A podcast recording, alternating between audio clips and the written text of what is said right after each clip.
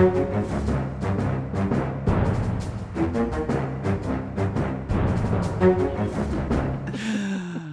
nei, men Da er vi i gang med det som eh, vel antageligvis blir siste Aftenpodden før eh, valget. Eh, det er spennende. Vi er alle sammen i studio. Kjetil Alstein, du er tilbake fra reise. Ja.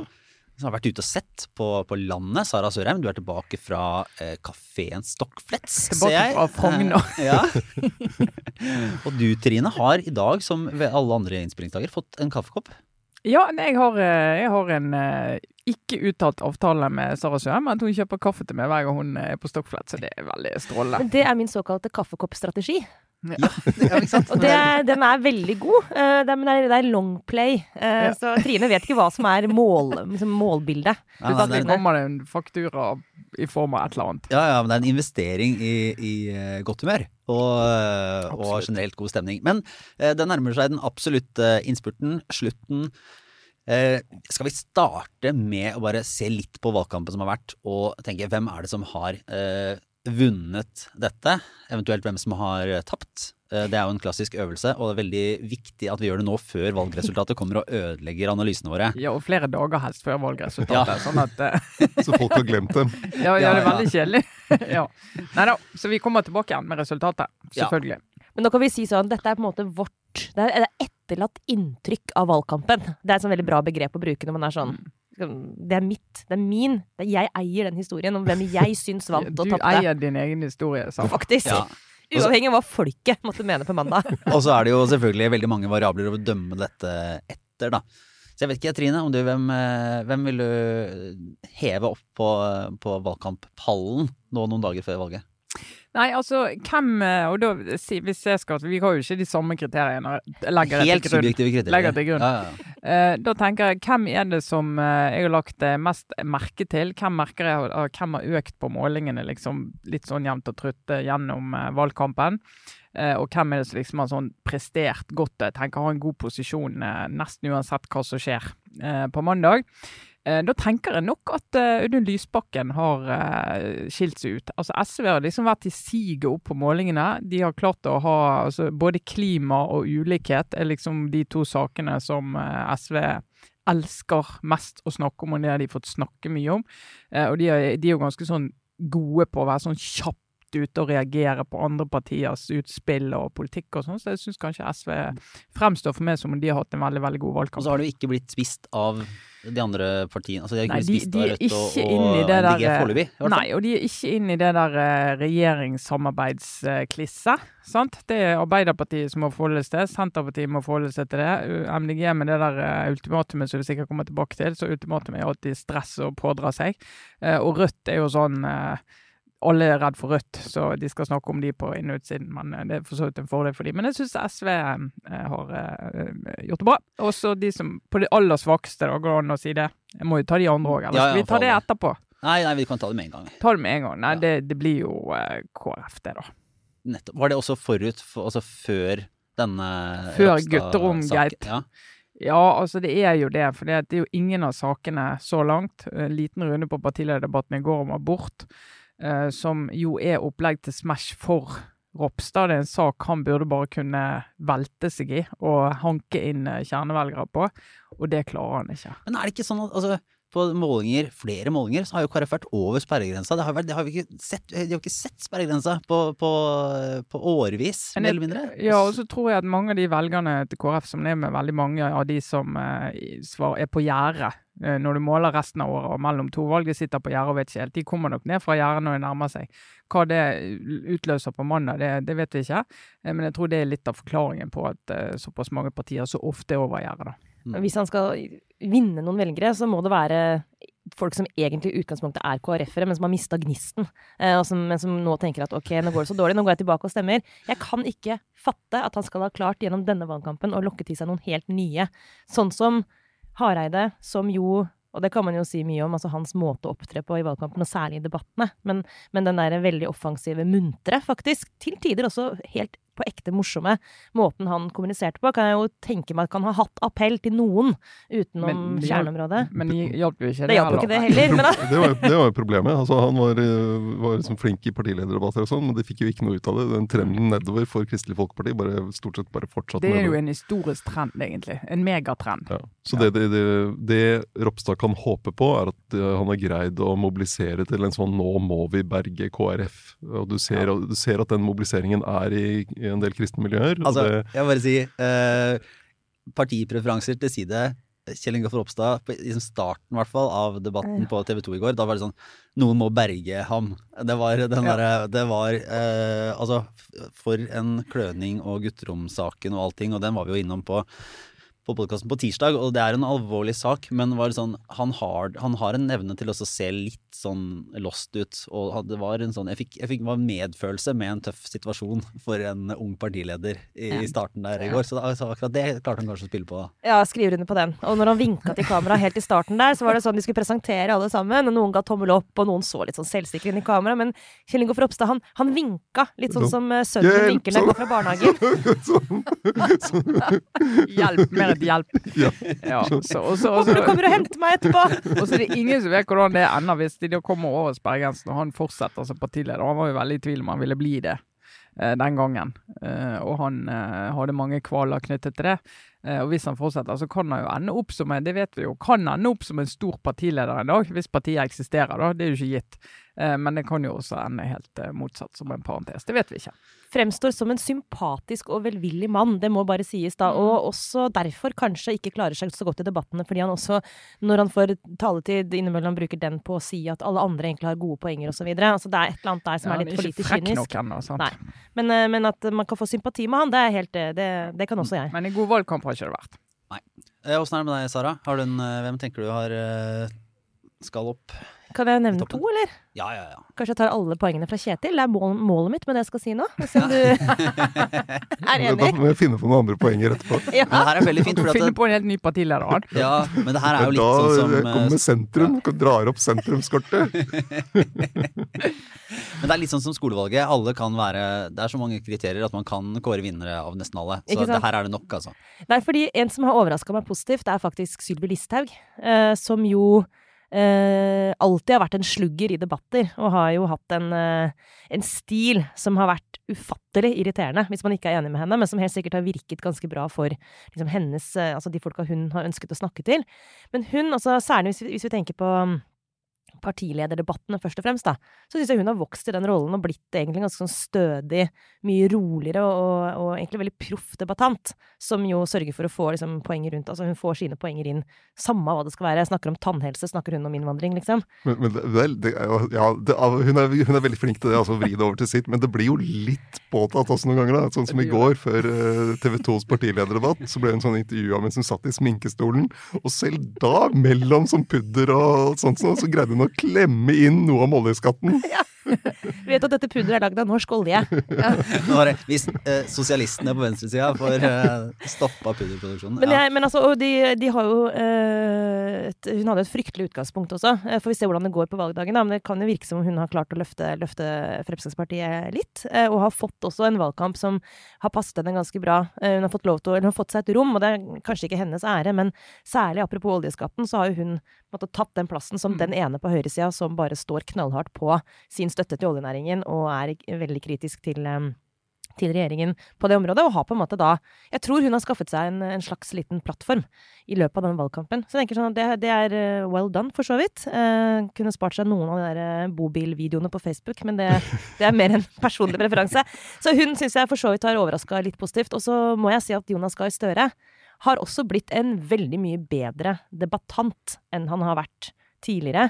Både i, i eh, hjelp meg nå, 17 og 19, så, så har han jo hatt en tendens til å bli litt sånn eh, ha overtenning, fremstå som kantete, sint og litt sånn weird, liksom. Jeg synes, altså var det jo det bare en eh, ting som merka meg i TV 2-debatten i går, eller, og, og som jeg huska fra da i 2017, var at han var jo Han fikk jo på en måte også litt kred fordi han var litt, sånn, litt frekk, og så var det en formulering han hadde en gang på den sånn Eh, Det er derfor eh, altså, det var et eller annet sånt, altså, Der han slo så veldig fast i starten at det er han som skulle bli statsminister. Ikke sant? Ja. Erna Solberg var ferdig, og han Nå skal var du lytte til en statsminister. Ja, det var han. Påtroppende det påtroppende. Har vært veldig påpasselig hele denne valgkampen på at han skal ikke ta noe for gitt.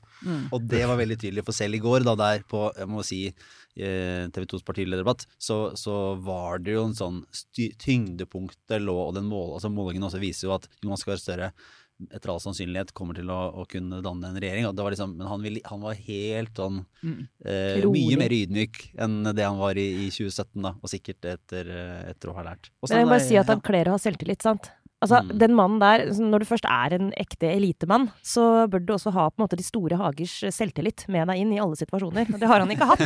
nei, nei, Nei, og da blir det mindfuck. Ikke sant? En, en litt sånn Ja. panisk Støre funker ikke. Du, når du først har den rollen, gå og ta den. Bare vær verdens, eh, verdensvant og selvsikker. Og nå er han det, og da funker det bedre. Var du enig nå, eller, Kjetil? Eh, ja, altså eh, Det er litt sånn interessant med, med Støres eh, valgkamp, fordi den går jo ikke bra. Nei. De sliter jo, de ligger på snittet fortsatt under 24% altså, Det går i retning av et helt katastrofalt dårlig valg for Arbeiderpartiet.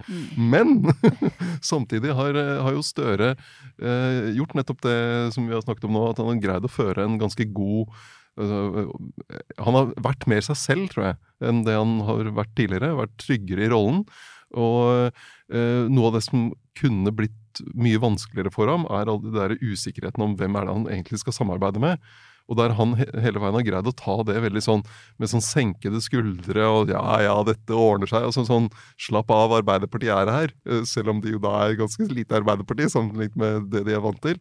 Det, det tror jeg nok har vært ganske viktig for ham gjennom den valgkampen. Og så hjelper det jo selvfølgelig at det har vært litt av hvert på borgerlig side gjennom åtte år, med, med ut og inn av regjering.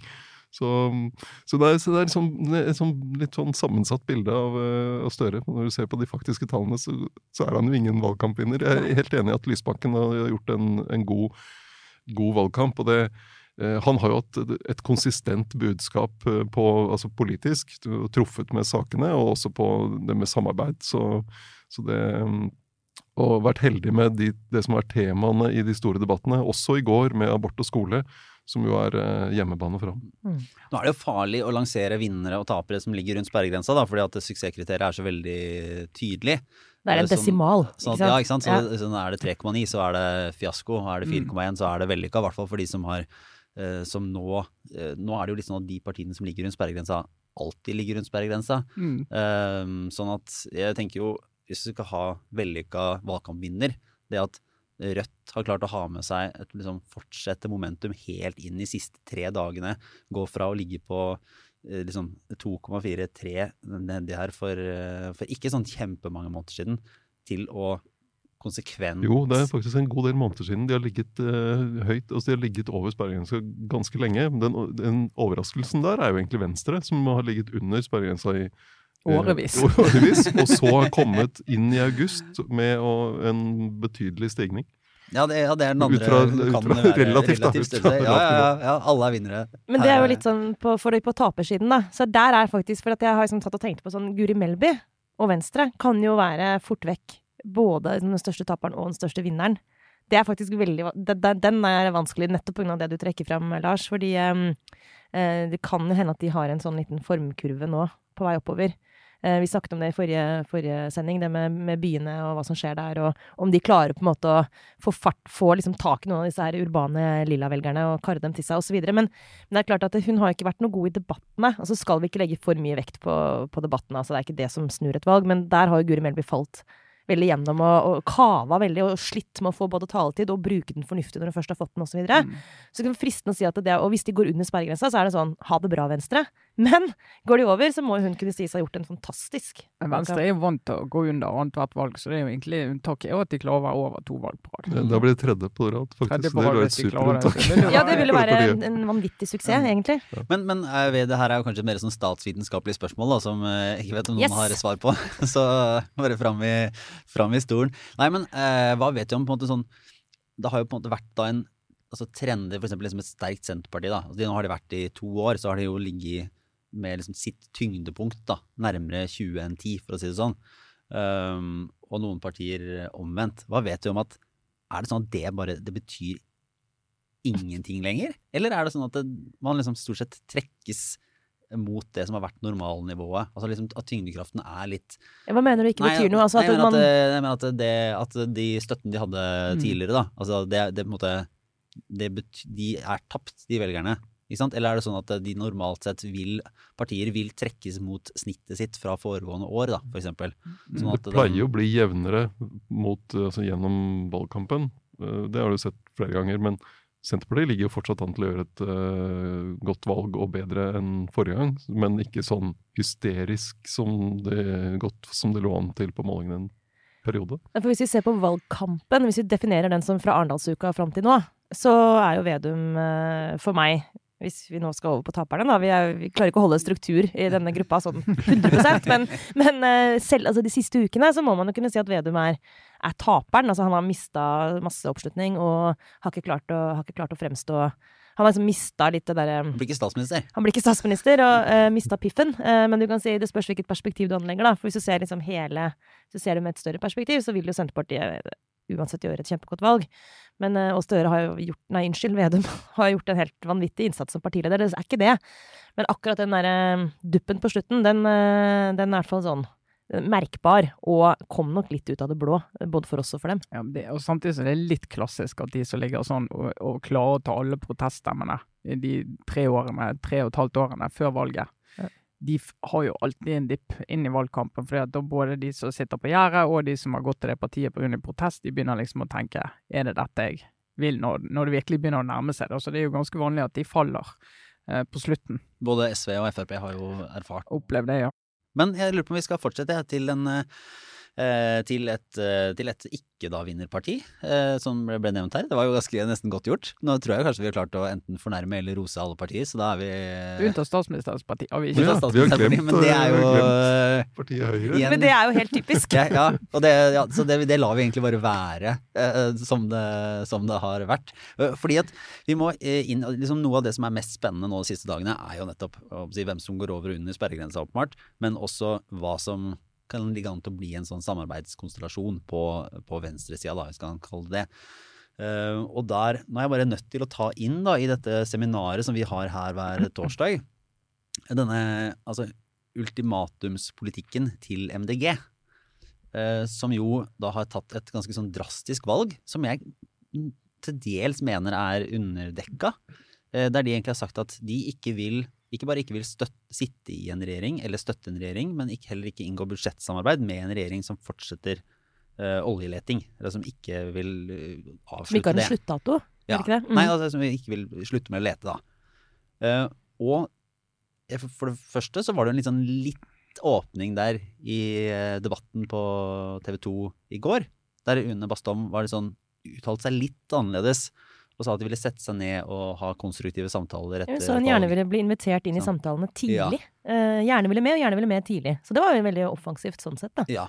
Men det betyr, altså betyr, var det en endring? For de har sagt et, absolutt nei egentlig til å gå inn i en regjering. Ja, jeg syns også det var eh, en litt sånn overraskende uttalelse hun kom med. Eh, Det hørtes ut som ja, men har ikke dere stilt et ultimatum her? Så jeg, jeg prøvde å sjekke litt med, med noe MDG-kilde her på morgenkvisten. Og det som sier at eh, nei, vi står fortsatt for det samme. Så de vil bare inn i rommet, og så skal de forhandle om masse ting. Og så til slutt skal de smelle ultimatumet på bordet, og så skal dette gå i oppløsning. Som de, Fordi at det, dette ultimatumet eh, det ligger jo ikke an til å møte noe særlig forståelse. I hvert fall ikke sånn som det ser ut nå. Nei, det er jo blitt avvist eh, knallhardt, det. da. Sånn, Verken Senterpartiet eller Arbeiderpartiet. De, de vil ikke snakke om det. Det som er litt interessant, eh, kanskje, det er jo eh, tidligere ultimatum. sant? Eh, leting i boring i Lofoten og Vesterålen. Som har vært et, i praksis et ultimatum for eh, Venstre når de har gått i regjeringsforhandlinger, for SV når de var i regjeringsforhandlinger. Eh, og så de på en måte fikk gjennomslag for. Men hva, altså, hvordan leser du det, Kjetil? Hva er forskjell på de ultimatumene? Altså, er det det at her har du det på begge sider av blokken, og at det, er, det, det handler om å åpne opp noe nytt? Det handler ikke om å stoppe noe som fins, så det er ikke så dramatisk ultimatum? Eh, ja, altså eh, Lofoten, Vesterålen, Senja bli, var jo mer avgrenset. ikke sant? Det er Mm. område vi sier det området skal vi ikke røre. Og så Mm. har du masse andre Så rører jo alt, så sier de men da tar vi hele Nor- Norskehavet. Ja, altså Barentshavet og altså, Mens det å si uh, vi skal stanse all oljeleting, det, da prøver du å, å spise en, en hel elefant i ett Ja. jafs. Ja. Det tror jeg er Så problemet. det, men det er interessant med sånne ultimatum, for det kan jo fungere hvis ultimatumet si, ikke er for, for drøyt. da. For inngripende. Men sånn Så så, har vi eksempler det, på det? det jeg tror, jeg tror er grunnen til at de eller Sånn jeg tolker det MDG gjør nå, med de uttalelsene i går i partilederdebatten og Lan Marie Berg var på radioen i morges, er at de Problemet deres med ultimatumet er at de eh, de setter seg utenfor innflytelse. Mm. De gir fra seg muligheten til innflytelse på forhånd. Og det er jo ikke så smart hvis du, hvis du vil gi stemme til et parti som skal påvirke klimapolitikken og dra Mm. den i den retningen du mener er riktig. Og så sier det partiet at eh, hvis vi ikke får dette ene kravet, så skal vi ikke være med på noen ting som helst. Nei.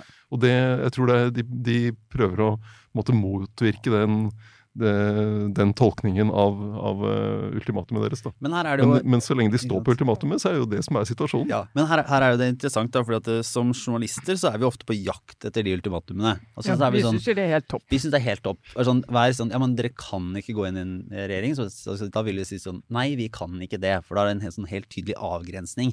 Mm. Og så vil jo de fleste politikere eh, kjempe mot dette, denne impulsen for Mm. å ha flere dører åpne. Hvis du ser, vi har jo snakka om tidligere, men Senterpartiet har jo ikke sagt sånn Vi kan aldri sitte i regjering med SV. Altså etter dette valget. Ja, de sier vår foretrukne De regjering er. liksom, de finner Mm. liksom alltid en eller annen formulering som de vil gi inntrykk av, eller de gir jo på en måte inntrykk hvis du hører dem, så er det sånn du De går jo relativt langt i Ja, å ja, si de går det ja. kjempelangt, men de vil, det er liksom, det fins en teknisk mulighet innafor det de sier, for at vi fikk ikke den oppslutninga vi ville, vi vil ha gjennom vår politikk, derfor samarbeider vi. Mm. Men, eh, Men, men der tenker jeg Altså, der har jo SV igjen, da. Uh, Syns jeg er ganske sånn De også hadde jo en periode der de snakket om absolutte krav i forhandlinger. fem og sånn, krav. De hadde sånn fem krav som er sånn Ja. Altså, absolutte krav. For det, det som er så farlig med det, det er jo at du, hvis du da ikke får oppfylt de kravene, så blir du kjørt på i fire år på at du eh, ikke fikk gjennomført det absolutte, så det stikker ikke så dypt likevel. Sånn at du blir plaget og plaget og plaget. Men hvis du gjør sånn som SV mer gjør nå, de går inn og sier at vi skal inn og forhandle, vi vil sitte rundt bordet, vi kan samarbeide med alle. Det vi er her for, det er å gjennomføre vår politikk. Mm. Og som jeg mener er, det er det eneste budskapet et parti kan ha. Og det er jo de, eh, som danner eh, regjeringsgrunnlaget i dag, altså alt det de har virret seg inn i med sånn, vi kan ikke samarbeide med de, og vi så å si garanterer langt på vei, men kanskje ikke helt at vi aldri skal sitte i regjering med de, og vi skal aldri støtte en regjering vi ikke er en del Alt det der vass-viss-vasset der. Altså, de må jo lære, og de må slutte med det der. Man liksom sier nå må du makse oppslutningen om mitt parti, så jeg får gjennomført den politikken dere ønsker at vi skal gjennomføre, dere som stemmer på oss. Og så må vi gjøre det som skal til for å få gjennomført så mye som mulig. Ferdig snakka. Og her har jo egentlig KrF en mulighet. ikke sant? De kunne sagt uh, eh, for, for vi vil, Hvis vi mister flertallet med borgerlig side, så er vi klare til å forhandle om budsjetter med en Arbeiderparti-Senterparti-basert regjering Mm. for å trekke den i vår retning og bort fra innflytelsen til SV og MDG og Rødt og sånn. Ja. Det kunne vært en offensiv strategi fra Ropstad. Men problemet med det er at da vil han samtidig oppfattes som at han undergraver og har gitt opp troen på det prosjektet han er en del av nå. Så Ja, det er ikke helt enkelt. Og det har jo, hvis du snakker med folk i, rundt disse her eh, borgerlige partilederne, så er det jo ikke mange der som tror, tror på det prosjektet. Men det er, jo, det er jo det å liksom kunne si det, for da rakner det jo helt. sant? Men det er jo veldig mye mer ja. moden holdning til politikk den eh, som Audun Lysbakken eh, en reflekterer nå, da. Man kan si at MDG ja, de er ensaksparti. Det gjør også at det er litt vanskeligere for dem å fremstå som liksom litt mer pragmatiske, da. Sånn er på en måte det, naturen i å være sånn de har én sak. Men det er klart det fremstår også litt sånn nå, nå sier jeg umodent, og det høres sikkert utrolig nedlatende ut, men, jeg, men, ja, men det er sånn det fremstår. Vet ikke, Eivind Tredal, er du der ute og hører på? Vi ses på Twitter. Dette må du stå i, stå i det, Sara. Jeg støtter det. deg. jeg støtter deg. Nei, for det, som er interessant, da, er jo eh, hva Samtidig som eh, MDG da sier at de har et absolutt krav som egentlig ingen andre av de store partiene er villige til å innfri, så har de jo også, og det her er Jens Kiel, kommentator i Bergens Tidende, og for øvrig podkastvert i den eminente politikkpodkasten Noen må gå. En eh, anbefaling til den. er en anbefaling til den. Ja. Eh, De er veldig flinke. Eh, Men, men som har da samla noen av alternativene som MDG har spilt opp til. Eh, Og da har jo MDG inviterer SV og Rødt til felles front mot Vedum. Og så har de åpna for eh, en eh, SV, MDG og Ap-regjering. Og så de dannet, vil de danne regjering med Venstre, Ap og SV. Og så var det ytterligere en MDG vil stoppe Vedum, tilbyr støtte til ren Ap-regjering. Og så har Nasjonen en sak MDG holder døra på gløtt for statsminister Vedum. Så, Det var ultimatumet Altså, sitt. så, så på en måte, det, er jo, eh, det er jo på en måte logisk, fordi at det er blokkuavhengig og kan samarbeide med alle. Eh, I hvert fall innenfor den blokka. men det er jo også, det er også rart når de ikke forholder seg til at disse kjerne, altså partiene de egentlig da sier at de må samarbeide med, absolutt ikke er klare til å, til å innfri det ene store kravet. Så spørsmålet er, hvis MDG da ikke Altså Rødt har jo sagt at de ikke vil inn i regjering, de vil jo ha en slags samarbeidsavtale eller danne en, base. MDG har jo sagt at de da vil inn i veldig mange regjeringer, eh, men eh, det er ingen som de har stilt noen krav som per i dag jeg gjør det helt urealistisk, og at de heller ikke skal inngå budsjettsamarbeid. Så er Og hva- Arbeiderpartiet MD og Senterpartiet har sagt at det er, det er ikke aktuelt. Ja, Ja, så- det, det, så, det er eh, helt greit at dere ikke Så da er jo spørsmålet kan, altså hva, hva er MDGs påvirkning hvis de kommer inn over sperregrensa, men de ikke vil eller kan være del av noe parlamentarisk flertall? Det er nesten litt som Sverigedemokraterna. Sorry sammenligningen, men altså sånn en stor Men de har jo vært større, da. Men altså en, relativt stor gruppe på, i parlamentet som egentlig ikke er eh, Som bare er der, på en måte. På utsiden av alt. Ja, Altså, det kommer jo helt an på hvordan matematikken blir på Stortinget. Hvis du får et flertall uh, med de, de gamle rød-grønne partiene, altså Arbeiderpartiet, Senterpartiet, SV, uh, så kan jo Rødt og MDG hvis, utenfor ha en Altså de vil jo være et plagsomt, plagsomme elementer for særlig SV i regjering. Sånn at de vil jo kunne eh, dytte Altså det, det vil begrense hva SV kan gå med på av kompromisser. Øh, hvis de sitter i en regjering med, og, nei, med Senterpartiet og Arbeiderpartiet. Fordi de har da to konkurrenter utenfor som kommer til å plage dem i Stortinget og overalt ellers. Sånn at eh, det å, det, De vil kunne ha en, en den type innflytelse, altså, som, som en slags opposisjonspartier som pusher på utenfra. Og så heller styre mot neste valg, da. Ja. Men, skal, men det ultimatumet drasser de jo med seg. Det blir jo ikke noe lettere. Nei, det, det, For det er jo hvis du da skal gi opp et ultimatum. Så, Men du kan jo si eh, det, altså de har jo på en måte tida på sin side, da. Ja. For, fordi at på et tidspunkt så Der har jo Johan Gahr Støre også, han har jo avvist kravet fra MDG fullstendig, men har jo sagt her senest denne uka at liksom leteaktiviteten på norsk sokkel eh, vil gå ned. Altså på et tidspunkt så vil det jo stoppe, så da, da vil jo det kravet ja, og, og den har jo gått ned òg, Ja. så det er jo noe helt annet enn det var allerede. Nå har vi MDG og mest sannsynlig Frp, som sitter og nyter på hver sin side å være opposisjonsparti og, og jobber seg frem til um, neste valg. Altså det, ikke sant? det kan jo bli veldig spennende. Det kan jo få en helt annen altså Fløyene kan jo vokse veldig. men, men ut fra MDGs argumentasjon om hvor mye det haster, Ja, det, så har jo de egentlig ikke, kan ikke de vente i fire år på å få Ja, innflytelse på Det er det jeg òg syns er så Det henger ikke sammen. Og hvis du virkelig mener det haster, så må du jo heller kunne se velgerne dine i øynene og si ja, vi er nødt til å svelge en del ting, men vi får påvirket på disse områdene her, og det syns vi er så viktig. Ja, det er mye mer enn ingenting. Og det var jo litt sånn SV argumenterte da de satt i regjering. eh, om at det er mye bedre at vi sitter på innsiden av denne regjeringen og får gjort litt enn ingenting som vi har holdt på med i 40 år. Bortsett fra de delene av partiet som sto på plenen, da. Men de Ja, forsvant men etter nå etter eh, Erna Solbergs eh, åtte år med regjering, så kan SV ikke sette opp permanent bod utenfor plenen med protester mot egen regjering. Det er helt greit. Tenk at vi syntes det var helt vilt den gangen. Jeg syns vi var helt ko-ko.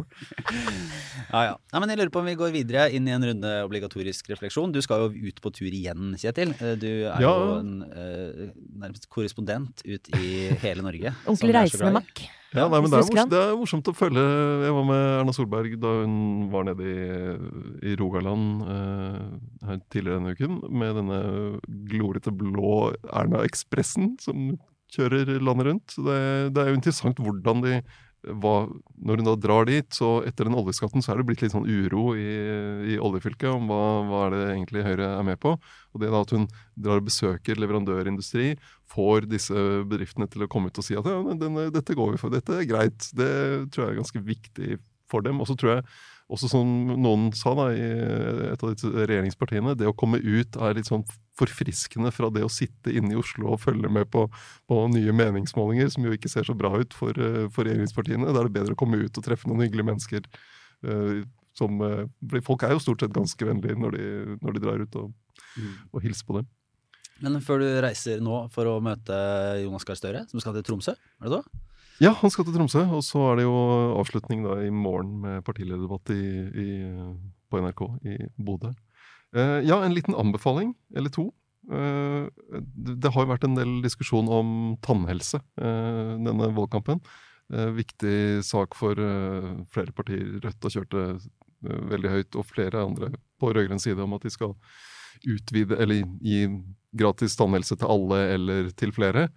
Vil du anbefale en tannlege nå? Nei, jeg skal, nå skal jeg anbefale, jeg skal anbefale et, et innlegg som sto i DN. Det er tre forskere ved Universitetet i Oslo som skriver om, eh, om hva som egentlig er situasjonen. Eh, Og det er at det er mindre ulikhet i tannhelsetjenesten enn enn på altså noen gang. Det er på et historisk lavt nivå når det gjelder ulikheten i bruken av tannhelsetjenester. Fordi eh, eh, det er, eh, kjøpekraften er blitt bedre, flere har fått råd til å gå til tannlegen. Tannhelsen er blitt bedre, det er færre som har hull. Og du har eh, Europas beste tannlegedekning. Så det er utgangspunktet. Det høres ut på diskusjonene som om det er eh, helt forferdelige tilstander, og tennene bare ramler ut av halvparten av befolkningen. Det er jo, no, det er jo grupper som har veldig store utgifter og, Mm. og trenger Man kan argumentere for at trenger et bedre tilbud, men det å si at hele befolkningen at skal nå skal få få gratis, gratis tannlege, vi skal bruke 7 milliarder kroner på det, istedenfor noe annet. i stedet for noe annet. Eh, Det har jo ganske mye på prioriteringslistene, de partiene. Så mm, det er i hvert fall interessant å lese fra litt bedre bakgrunn for hva er egentlig status for eh, Ja. norsk tannhelsetjeneste. Veldig, veldig. Jeg har også lest den. Veldig interessant.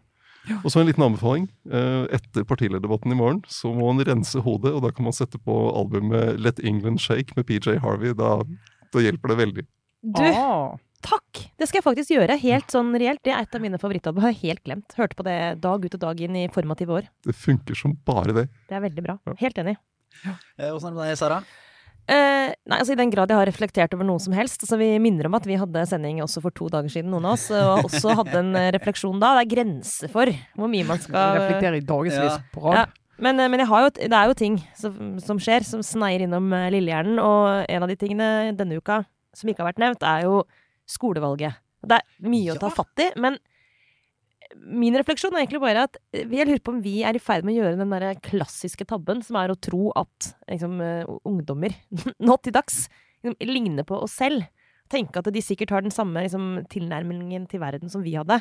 For Ja, så- eksempel ja, sånn da at, eh, ja, Ikke sånn oss selv som uh, våre voksen selv, men at man på en måte identifiserer med sitt ungdommelige Ja. selv. Ja. Ja, at uh, For min del da, så vil det være sånn at alle jenter på 16 år er uh, ekstremt kritiske for eksempel, til det aller meste som av etablerte ting, og tenker at det å stemme Arbeiderpartiet er verre enn å være nazist, omtrent. Og liksom, altså det er en del sånne, sånne holdninger som, som jeg tenker bare automatisk at, at, de, at de også har. Og ergo tror ikke jeg er alene om å uh, ha en forventning til at skolevalget skal være mye mer, altså, at det skal være mye mer radikalt enn uh, en det man ser i, i, de, si, voks, i voksenvalget.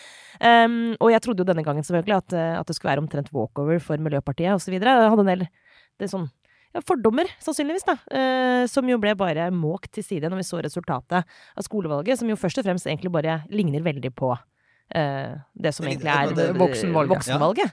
Så var jeg helt sånn What?! Hva er det med dere? Så egentlig bare et åpent spørsmål sånn er Er det rett og slett sånn altså, at ungdommer er i, våre, altså, i vår tid, de er bare små voksne. Det fins ikke noe sånn derre at du er radikal som ungdom og så konservativ som voksen. Altså er det bare Har det gått over? Ja, men det spørs, altså Nå er jo til og med voksenmålingene er jo på en måte mer i hermetegn radikale enn Ja, for det er vi som er på voksenmålingene. Vi har kanskje ikke blitt voksne. Jeg veit da søren. Altså, dette her er mindfuck. Men det var jo, eh, det var jo klimatendensen eh, holdt seg jo i eh, skolevalget. Men Jo. Venstre fikk jo veldig mye større oppslutning enn de får i, i hvert fall hvis de så langt på voksenmålingene, eller de stormålingene. Eh, og da var det i hvert fall en som nevnte for meg at han trodde faktisk rusreformen hadde en del å si for Ja. de unge velgerne. Sånn at de ikke, altså de er ikke helt enøyd på sak. Det er ikke bare klima, men at- og at eh, Venstre har liksom Det at de har vært så tydelige på rusreformen, har gagnet i en del av disse eh, debattene. da. Ja, for det er klart Klimaet er stort, så er ikke det, men det er liksom ikke så stort som man kanskje kunne ha trodd. da. Ja, og så tror jeg at den fremgangen for Fremskrittspartiet var litt overraskende. Og det, men jeg tror kanskje det, kanskje det viser det at uh, noe av det som er viktig for partier i en valgkamp, er jo å få en konflikt. Mm. At de er tydelig uenige med noen. Og der har Fremskrittspartiet, sånn som du var inne på, Sara, greid å kjøre øh, oljesaken. Altså vi er de største fans av norsk olje. øh, og, og at, at de får en tydelig kontrast da, til, til særlig noen av de miljøpartiene, men egentlig til hele resten av partifloraen. Og det, at det kan ha vært et hadde hjulpet dem opp på det, i skolevalgene. Nei, vi får se. vi får se. Det er jo bra, kanskje, hvis uh, ungdommen er eh, ekstremt fornuftige, står opp tidlig, uh, bruker ikke sminke, er opptatt av miljøet, uh, drikker ikke alkohol, røyker i hvert fall ikke. Altså, jeg er på en måte for det, men jeg kjenner også at jeg er i min indre 16-åring. Men, men, men igjen, Sara, du, du, generaliserer jo heftig, for det er jo det vi gjør når vi ser på de unge. Sammen. For det, du har masse ungdommer som er akkurat sånn, og så har du masse ungdommer som er akkurat det motsatte. Det, ja. det, det, er jo sånn enten-eller der. Sant? Og det er jo det vi, vi voksne også vi snakker om pensjonistene så snakker vi om folk i alderen 60 til 100 år, som er en gruppe. Ja. Det er jo helt, helt vilt. Pensjonistene de trenger oss. Så, ja, gjør alle pensjonister det? Så det er jo Ja. Det er sant. Godt Nei. nyansert. Ja. Ja, ja. ja. En, jeg vil faktisk anbefale noe skikkelig navlebeskuende. Så skal jeg anbefale Aftenpostens lederartikler denne uken her. Vi snakker jo av og til om valgdagslederen, og mange i pressen de er jo veldig sånn konservative og gammeldagse bakoverskuende. Sånn er det jo. Så veldig mange de snakker om ja, skal avisen anbefale et parti på valgdagen? Skal de anbefale hva velgerne gjør? Bare det å anbefale folk å stemme et eller annet parti, det er jo så retro som det går an. Det er jo veldig nedlatende ting å gjøre. Eh, men det går an å si som en avis at du oppsummerer ting du har ment eller argumentert for siste periode, og se litt fremover. Hva syns vi er de viktigste sakene fremover nå, og hvor, hva, hva politikk syns vi fungerer. Sant? Og det er jo i hvert fall veldig få aviser som jeg vet om som knytter seg til ett parti, og bare gir de på en måte eh, blanko til å utvikle programmet som den avisen da skal videreføre sine spalter. Det fins vel kanskje ikke eh, noe av det i dag. Eh, fantes før. Eh, men Aftenposten har i hvert fall en serie ledere som politisk redaktør Kjetil Astheim sin gruppe da har eh, ført i pennen. Jeg eh, får en del mail fra folk som tror at jeg skriver ledere. Det gjør jeg altså ikke. Men jeg er jo ansvarlig for disse her. Eh, og har da tatt for seg eh, ett tema hver dag denne uken, og det kommer også en leder på lørdag som ennå ikke er formulert, så den kan vi bare tease, da, for det er kanskje den mange er litt spent på, for vi har jo en liten Den store valglederen. Store valglederen, ja. eh, som vi har eh, diskutert. Eh, men dette er også en, en, eh, ny, mener jeg, og moderne måte å tenke eh, leder knyttet til valget på. Noen aviser skal jo ikke mene om de skal bare mene at folk skal gå og stemme. De om det. Eh, vi vil jo at folk skal gå og stemme, men vi har jo argumentert for politikk i alle disse årene, og retninger på politikk. Helt men, partiuavhengig, og fortsetter åpenbart med det. Ja, Men betyr det at fordi valg, en mer tydelig tydelig valgleder ble vel på en måte eh, gjeninnført med deg som politisk redaktør, mm. Trine. Ja. Har, har, dere da gått litt bort fra det igjen, eller det, kommer den, men i tillegg så er det på en måte en oppsummerende lederrekke på ulike temaer? Ja, altså da jeg ble politisk redaktør eh, like etter jeg ble det, så var det jo eh, lokalvalg. Og da mente jo Aftenposten om styringen av Oslo. Og hadde jo ikke gjort det på veldig mange år, og det var det gode grunner til, for Aftenposten var jo knyttet til Høyre. Eh, ikke formelt, men reelt, i, til helt på slutten av 80-tallet. Altså helt absurd knytta til Høyre? Helt absurd altså, knyttet til Høyre. altså Det var virkelig sånn på innsiden av gruppemøter, og du var ute i redaksjonen og, og var mente om vinklinger på saker med utgangspunkt i hva som gagnet borgerlig samarbeid. og eh, og det var, det var, egentlig veldig riktig at Aftenposten, som alle andre aviser som hadde hatt en veldig tett knytning til ett parti, eh, løsrev seg fra det.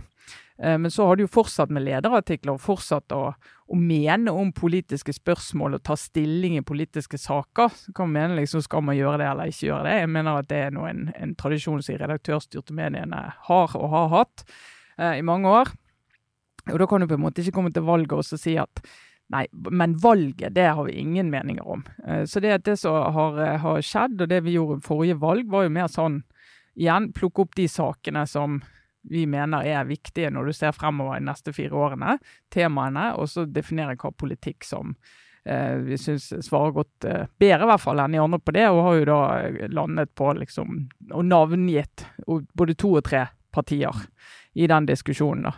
Eh, så sånn enkeltpartier det driver vi ikke og anbefaler lenger. Ferdig med det. Men litt om sånn, egentlig å rydde litt i også sånn når du skal ta et valg, hva bør du være opptatt av? Altså for det, også er, det er også veldig retningsgivende. Altså hva, hva, hva, er det egentlig som er Hva gjelder fremover? Sant? Ja. Og det kan jeg jo tise og si at uh, Vi må jo si det, eh, Kjetil, at Aftenposten er f.eks. veldig opptatt av at de store problemene må løses med forpliktende internasjonalt samarbeid. Nettopp. Ja, nettopp. Ja, det, Så det kommer til å- si det fortsetter en slags linje det der, ja. med. ja. Det kommer til å være med. Ah, Det er trygt og godt og fornuftig. Akkurat som Aftenposten faktisk skal være, og det ja, men mener jeg helt uironisk. det er jo faktisk uironisk. en politisk eh, konfliktlinje der. Ja. Så Derfor så er det også, syns jeg det er verdt å sette ord på det når det er valg. Ikke sant. Er det sånn at du må Jeg sniker meg ut. Ja, nei, men eh, det God er tur til Tromsø. Ja, Som vi er så glad i. som vi er så glad i. Nei, eh, min eh, lille OR er langt utafor politikken, men mer inn i hverdagslivet. Fordi nå som vi begynner å reise mer på kontor igjen og være mer ute i, i Oslo by Jeg er ikke så veldig mye mer ute i Oslo by, men jeg, jeg har jo da Mitt liv før korona og før barn og rekkehus var ganske annerledes enn livet eh, post korona. Så jeg driver og fortsatt og finner ut hvordan det her fungerer. Eh, og nå har jeg da jeg, Hver gang jeg kommer ned til sykler ned til kontoret Jeg har en litt sånn lang, bratt bakke som blir kald om morgenen, så jeg må ha på meg typisk jakke som er litt sånn vind, eh, vindtett. Og Ufiks, ufiks jakke. Ja, ja, la oss kalle det Vi snakker vi, unnskyld, altså, men snakker vi faktisk sånn skrekk og gru? Allværsjakke? Nei, vi snakker nok mer bare en, bare en eh, slags regnjakke, altså vind, vindjakke, da. Okay, ja. Men det blir jo ikke Altså, jakka i seg sjøl er ikke så ille. Men sykkelhjelmen og elsykkel. Altså, det å komme inn i inn da i Oslo sentrum, og så kommer du liksom ned, ok, ned bakkene, så ser jo alle sånn ut. Så da er jeg jo helt, Mm. helt inne. Og så kommer jeg inn opp gjennom Oslo sentrum, og så ser jeg det kommer sånne der fjonge, typisk litt sånn studenter eller bare Ja, unge eh, pene mennesker som kler seg ordentlig, som ikke har sykkel, eller må ikke ha elsykkel, eh, og ikke allværsjakke. Og bare sånn her, nå er Altså, det har skjedd et sånn Du har mista du har mistet det. Jeg har mista det. Ja. Så nå eh, Ja, nei, jeg veit ikke helt hva jeg bare det, det er Send oss en tanke. Ja, Eh, tenn et lys. Ja. Men det som skjer, skjønner du, Lars, når du først har mista det, sånn som du åpenbart har, så eh, er det egentlig ett av to. Det er å sørge over det, og så prøve å komme deg tilbake igjen til liksom hipsterjakka eh, når ungene blir store nok. Men eh, alternativet er å bare omfavne ditt, ditt nye liv, og gå enda lenger, og begynne å kjøpe deg sånne sportssykler, sånne trange lykra sportsklær. Nei, nei, ja, Få deg Strava-profil, og så har du blitt en sånn sykkelpappa. Ja, men, men, men, ja. her, men her må jeg få lov å komme med en liten advarsel, litt rødt varselskilt. Ja. eh, Lars, nå- Du snakker om erfarne, eh, erfarne småbarnsforeldre her. Det som Hvis du ser rundt deg i din krets og det som, jeg, jeg skal ikke si at det er i ferd med å skje med deg, for det ser jeg ingen indikasjoner på. Nå sitter jeg og ser på kroppen til Lars. Eh, Det er jo veldig mange småbarnsforeldre. De har jo noen stillesittende år. Mm. Sant? Hvor det blir Ja, sånn, litt sånn ja. eh, veldig koselig og mye TV og mye godt. Og litt sånn Jeg sover dårlig om natten, jeg fortjener en pose Sørlandschips-stemning. Eh, og så går det en fire-fem år, så merker du at du har seget litt ut. For det gjør veldig mange småbarnsforeldre, Sara. Yes, yes. Har disse småbarnskiloene. Veldig mange fedre særlig ser jeg har det der eh, lille legget rundt eh, midten, mm. så du tenker å ja, du er i den fasen. Sånn at, og etter det så er det mange av de som får helt sånn manisk eh, treningsbehov. Når ungen er blitt litt Mhm. større, og du kan være hjemme fra noen timer eh, hver uke for å eh, trene uten å ha dårlig samvittighet for hva som foregår hjemme. Og da, er det, da trenes det noe så helt sinnssykt. Så jeg jeg ville ventet med de der elleville syklet til du er i den fasen og skal rette opp igjen. Eh, og så, så det kommer, det kommer. Men det, det er faser i livet. Vi må bare stå i det. Da er det jo sånn at også når man kommer dit, så er det jo litt vanskelig å si sånn jeg går ut og drikker 100 øl eh, hjemme, men det går faktisk mye bedre å si nå går jeg og sykler he Sørkedalen opp og ned. Ja. Og det, kan, det skjønner på en måte alle at det, det må du få lov til. ja, for det er mer sånn Nei, jeg må, jeg må jobbe med, med selvfølelsen min, så jeg skal ut og drikke 100 øl.